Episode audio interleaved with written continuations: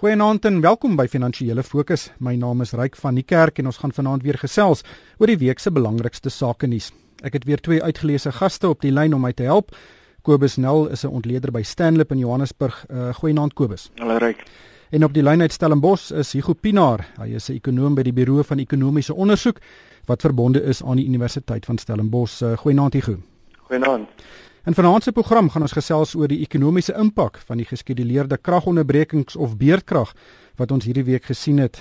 Uh die vordering al dan nie van die loononderhandelinge in die platinumbedryf en dan gaan ons gesels oor uh, Ben Bernanke, die voormalige voorsitter van die Amerikaanse sentrale bank wat hierdie week sy tweede openbare voorlegging gedoen het sedert hy die tuig in Januarie neergelê het en daai voorlegging was in ons eie Sandton in Johannesburg. Hier kom ons begin by Eskom se probleme. Uh, ons het hierdie week weer beurtkrag gesien. Dit was die eerste keer sedert 2008 dat uh, sommige uh, huishoudings se ligte afgegaan het omdat Eskom nie genoeg krag het nie. En Eskom blameer dit op die natsteenkool in Mpumalanga uh, weens die baie swaar reën wat ons daar gesien het. Dit was egter nie die eerste kragnoodgeval wat Eskom hierdie jaar beleef nie. Ehm um, daar was al 4 uh, gevalle waar hulle gesê het hulle is baie baie naby aan hulle reserve. En met hierdie jongste uh, noodgeval het ons nou beurtkrag gesien. Uh, Hugo, hoe lees jy hierdie storie? Ja, ek ek dink mense moet miskien net sê ons het nou beurtkrag gesien die eerste keer sedert 2008 vir huishoudings. Maar natuurlik mense kan argumenteer dat die groot ehm um, gebruikers van elektrisiteit, die die groot nywerheid vervaardiging en veral die mynbou sektor dat hulle eintlik al die afgelope paar jaar van tyd tot tyd beeskrag ondervind dit. So wat ons nou gesien het is dat wat wat gewoonlik gebeur as Eskom 'n probleem ondervind dan vra hulle eers vir hierdie groot ouens wat die grootste verbruikers van elektrisiteit om hulle verbruik gewoonlik is dit met met 10% in terug te sny. Maar wat ons nou hierdie week gesien het is dat dit nie genoeg was vir Eskom om die probleem wat hulle um, donderdag gehad het um, te bekamp nie so hulle moes toe nou oorslaan na na na beerdkrag vir, vir vir die hele land. Ehm um, so ek dink dis nie jy weet dis dis nie 'n nuwe probleem hierdie nie. Uh, dis net maar net ons ons het regtig 'n punt bereik hierdie week wat so ernstig was dat dat huishoudings ehm um, en klein besighede ook geraak is. Hmm. Kobus uh, soos Hugo daar sê die die impak op veral die groot ondernemings wat baie elektrisiteit gebruik was was taamlik groot. Hulle moes hulle is gevra om 20% van hulle kraggebruik te sny. Hoe groot is die ontwrigting van 'n 20% vermindering in elektrisiteitsverbruik? Weet daai ouens spaar nie 20% deur net 'n paar ligte af te skakel nie.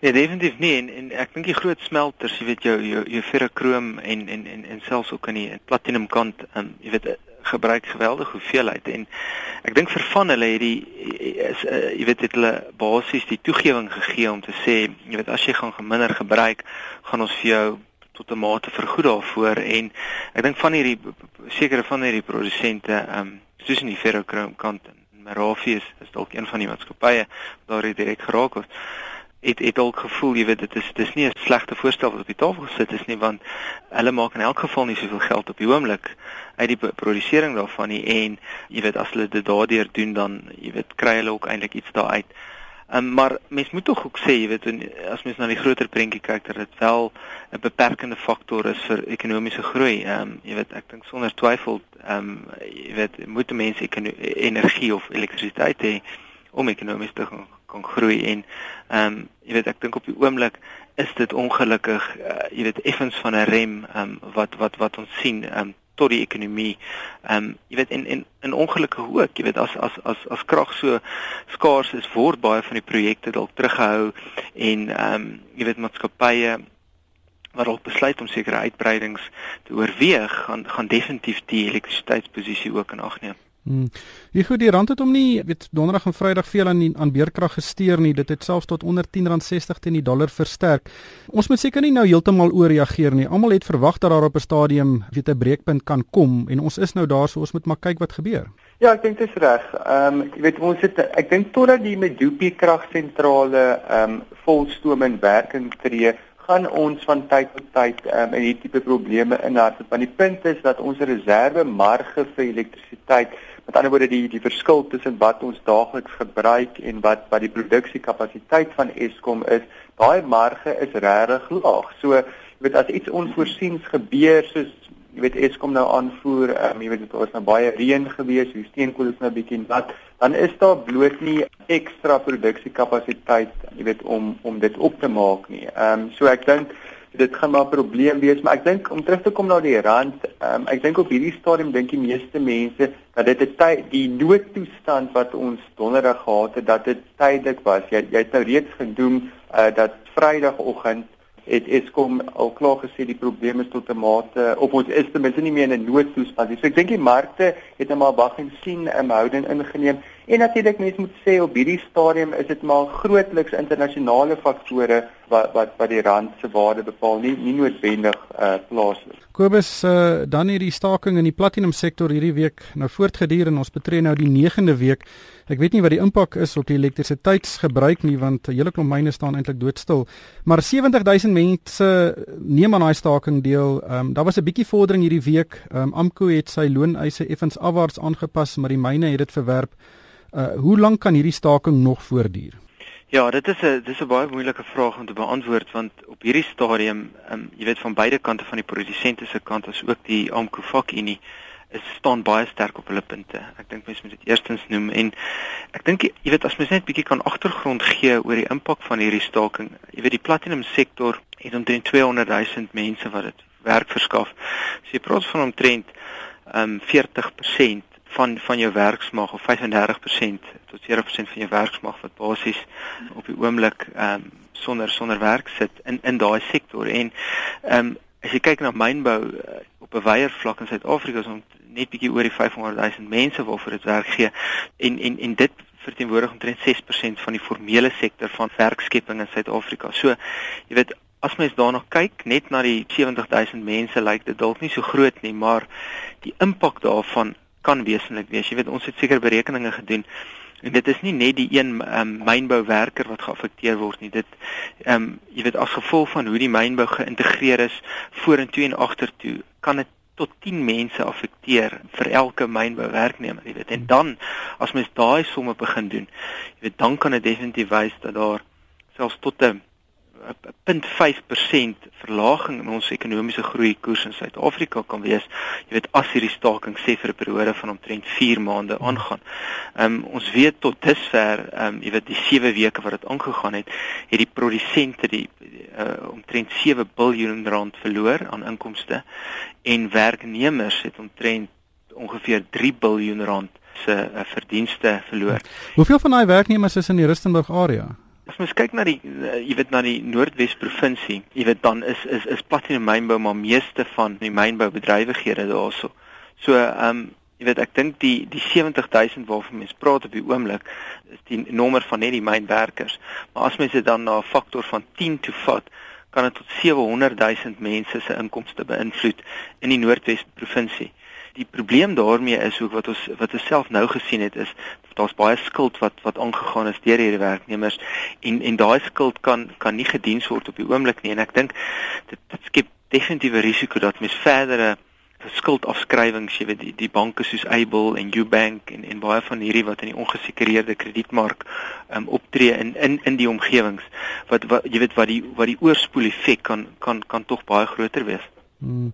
Hoe hoe lees jy hierdie staking? Ja, ek dink dit is interessant in terme van die ekonomiese impak. Ehm um, moet mense nou gaan kyk eerstens uit 'n produksie oogpunt, maar natuurlik ook uit 'n uitvoer oogpunt omdat platinum so so 'n belangrike deel van ons totale uitvoermandjie is. Nou ons weet die platinum maatskappy het groot ehm um, voorrade opgebou, waarskynlik in afwagting van 'n ehm um, uitgebreide staking. So op hierdie stadium lyk dit my ons is nog steeds besig om ons internasionale kliënte te kan dien deur deur uitvoer. So as mens nou na die BBP syfers kyk, dan die eerste 7 weke of so gaan mense waarskynlik nie 'n groot impak op jou uitvoer sien nie, maar natuurlik soos Kobus nou nou genoem het as hierdie staking nou sou voortduur, want ek dink die, die maatskappy het gepraat van 6 7 weke se voorrade wat hulle opgebou het en ons is nou omtrent daar. So ek dink ehm um, jy weet die eerste 7 weke gaan mense definitief op mynbouproduksie sien waarskynlik nie op uitvoer ehm um, tot so groot mate nie maar as die staking nou so verder aanhou gaan mense dit aan die uitvoerkant ook uh, begin sien en dan natuurlik soos Kobus genoem het die impak wat dit het, het op ehm um, die afhanklikheid is van die mense so klein besighede byvoorbeeld in die Rustenburg area daar's nou al klaar ehm um, verslae wat uitkom dat dat hierdie mense onder wesenlike druk is. Hmm. Kom ons gesels oor die, die Discovery Leadership Summit. Ehm um, dis hierdie week in Sandton aangebied en dit het weer uiters hoë profiel sprekers van reg oor die wêreld gelok en twee het vir my uitgestaan. Die eerste was uh, die ekonom professor Joseph Stiglitz. Uh, Hy's natuurlik 'n voormalige Nobelpryswenner vir die ekonomie. Hy was die hoofekonoom by die Wêreldbank en hy staan se professor by die Universiteit van Columbia. Hy's regtig een van die gesiene ekonome in die wêreld. Hugo, hy het 'n velde getrek teen die beleid van inflasieteikens en weet hy het ges geskimp dat uh, Suid-Afrika dat dalk moet heroorweeg en uh, hy het gesê lande soos Suid-Afrika moet eerder 'n beleid volg van werksgeleenthede teikens in plaas van inflasie teikens. Jy is ook 'n ekonom, wat dink jy? Ja, jy het nou gesien eh, of presies gesê, ehm um, hoe gesien 'n ekonom uh, professor Stiglitz is so dit dit is nie miskien nie so maklik om te kritiseer nie, maar ek moet sê ek ek het 'n bietjie van 'n ander opinie hoor en en ek vermoed die meeste ehm um, private sektor ekonome in Suid-Afrika sal sal saamstem hiermee. As mens na Suid-Afrika kyk, ehm um, ons werkloosheid is struktureel van aard. En wat bedoel ek daarmee? Ehm um, ons het groot vaardigheid ongelykhede in Suid-Afrika en dit is tot 'n groot mate die rede hoekom hoekom 'n klomp mense uitgesluit word uit die arbeidsmag want hulle het bloot nie die vaardighede nie. So dan kom ons terug na goed so Suid-Afrika se onderwysstelsel ehm um, wat wat ons weet ons ons redelik faal op op hierdie stadium. So dit is dis langtermyn strukturele probleme waarna ons moet kyk um, om ons werkloosheidsprobleem um, aan te spreek. So ek is nie seker of monetêre beleid noodwendig die die regte um, maatreel is om na werkloosheid te kyk. Dit is interessant uh, Gil Marcus of die, die president van die Reservebank in haar repliek op uh, professor Stiglitz se se kommentaar is dit presies die tipe van argumente wat wat, wat sy hmm. gemaak het. So ek dink op hierdie stadium ons ons teiken inflasie um vir 'n goeie rede en ek dink mense moet ook sê um professor Stiglitz se, se kritiek is ook dat um baie sentrale banke net uitsluitlik na inflasie kyk. Ek is ook nie seker of dit heeltemal die geval is nie. Ons weet in Suid-Afrika is dit definitief 'n buigsame inflasie teiken beleid met met ander woorde die reservebank het nie in die verlede rentekoerse uh verhoog as ons inflasie byvoorbeeld deur 'n oliepryse skok of 'n voedselpryse skok skerp um, verhoog het juis omdat hulle ook na ekonomiese op omdat hulle ook ekonomiese groei uh in ag neem. So ek dink ons is al klaar besig om om bietjie breër te kyk as net inflasie. Ben Bernanke, is natuurlik die voormalige um, voorsitter van die Amerikaanse Federale Reserve het uh, ook net sy tweede openbare op, um, optrede gelewer sedert hy sy lesenaar skoongemaak het by die Federale Reserve. Hy het nie veel gesê nie basies dat behalwe dat die kwantitatiewe verruimingsprogram werk en dat die Amerikaanse ekonomie vanjaar met so 'n 3% sal groei en dat hy hierdie momentum sal sal deurvoer na aanstaande jaar toe uh Hugo het uh, vinnig wat het jy gedink van sy uh, sy sy optrede? Ek dink mense moet sê ons weet daar was nou al 3 rondes van uh, kwantitatiewe uh, verruiming in Amerika. Ek dink dit is dis moeilik om te argumenteer dat die eerste ronde nie 'n positiewe impak um, gehad het nie. Of kom ek sê dat dit die afwaartse spiraal waarin die wêreldekonomie was, dat dit tot dit tot 'n mate 'n um, perk uh, daarop geplaas het. Um, met met die met die hulp wat aan aan aan banke ensovoorts um, gegee is. Dit is minder duidelik of of die opeenvolgende rondes daarvan so groot positiewe impak op die reële ekonomie gehad het. Dit het natuurlik basepryse ondersteun uit die huismark, die aandelemark in in Amerika. Daar's geen twyfel daaroor nie. En mens kan mos kan net nou sê maar dit het positiewe uh, deurvloei gehad na ehm um, besteedbare inkomste so die um, en dan op die ou ende die die reële ekonomie, maar dit is nie so duidelik um, hoe groot daai daai positiewe impak uh, was nie. Interessant genoeg, ehm um, verskeie nuusdienste soos Reuters en CNN het berig dat hy vir sy eerste optrede 250 000 dollar of 2,7 miljoen rand uh, ontvang het. Daai eerste optrede was in Abu Dhabi. Nou uh, hy het vir 40 minute lank gepraat, uh, dieselfde wat hy in Johannesburg gedoen het en dit werk uit op 'n uh, gesonde 67500 rand per minuut. Interessant genoeg, hy het maar net 200 000 dollar verdien vir sy vir die hele 2013 toe hy by die Fed was. Kobus, ehm um, net laastens, ons het hierdie week weer 'n nuwe rekordhoogtepunt van die beurs gesien. Ons staan baie naby aan 48000 punte met die indeks vir alle aandele. Die wisselvalligheid duur voort, maar hierdie keer is ons aan die bokant van die siklus. Ja, en ek dink jy weet die beleggers krap maar kop tussen die verskeie sektore ook. Jy weet ons het ons het definitiewe druk sien wat besig is om op te bou aan die verbruikerskant met die ehm um, verswakking van die rand as ook ehm um, jy weet definitiewe inflasie druk wat daar is van die van die petrolprys wat wat mettertyd behoort deur te filter aan aan die ander produkte en dienste toe. En ehm um, jy weet en dan sit mense aan die ander kant dan aan die aan die mynboukant wat wat ek dink op 'n relatiewe vlak, jy weet in in terme van uh, verdienste groei hierdie jaar dalk heelwat beter lyk as as jou industriële en, en selfs die finansiële sektor. En jy weet ons het 'n heelwat ek dink rotasies tussen hierdie sektore gesien en en veral die laaste week of so, ek dink het die het van die industriële aandele weer kop opgetel.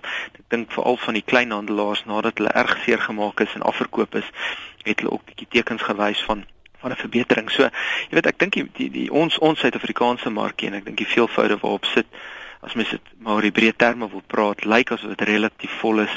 Jy weet, ek dink aan die mynboukant kan mense dalk 'n saak uh, uitmaak vir vir 'n paar van die aandele as mens glo dat die Chinese uh, groei storie en en en die hoeveelheid krediet wat hulle in die mark sal in kan sit om groei aan te vier, ehm um, volhou kan word. Ongelukkig het die tyd ons ingehaal. Baie dankie aan Kobus Nel van Stanlip en Hugo Pinaar van die Buro van Ekonomiese Onderzoek en van my ryk van die kerk. Dankie vir die saamluister en ek hoop almal het nie net 'n winsgewende week nie, maar ook dat almal se ligte sal brand.